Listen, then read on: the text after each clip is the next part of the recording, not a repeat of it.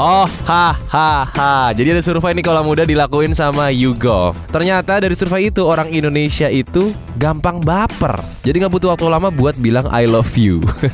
Jadi gini, YouGov ini lewat surveinya nemuin 7 dari 10 orang Indonesia bakal berani ngucapin kata I love you bahkan sebelum hubungan atau kedekatan genap berjalan satu tahun. 33% orang Indonesia bahkan berani menyatakan cintanya dalam rentang waktu 1 sampai 2 minggu. Sisanya nyebutin butuh waktu sekitar kurang lebih satu bulan lah ya.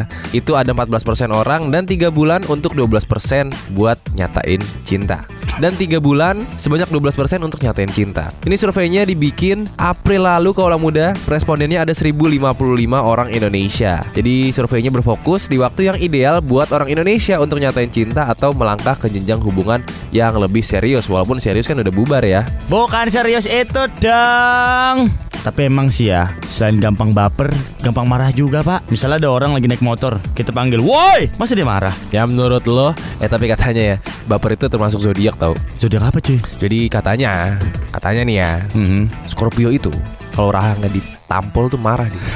Katanya.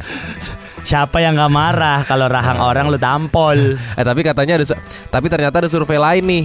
Ada 78% orang Indonesia ngerasa nggak keberatan kok buat ngebawa kekasihnya ketemu sama keluarga dan orang-orang terdekatnya.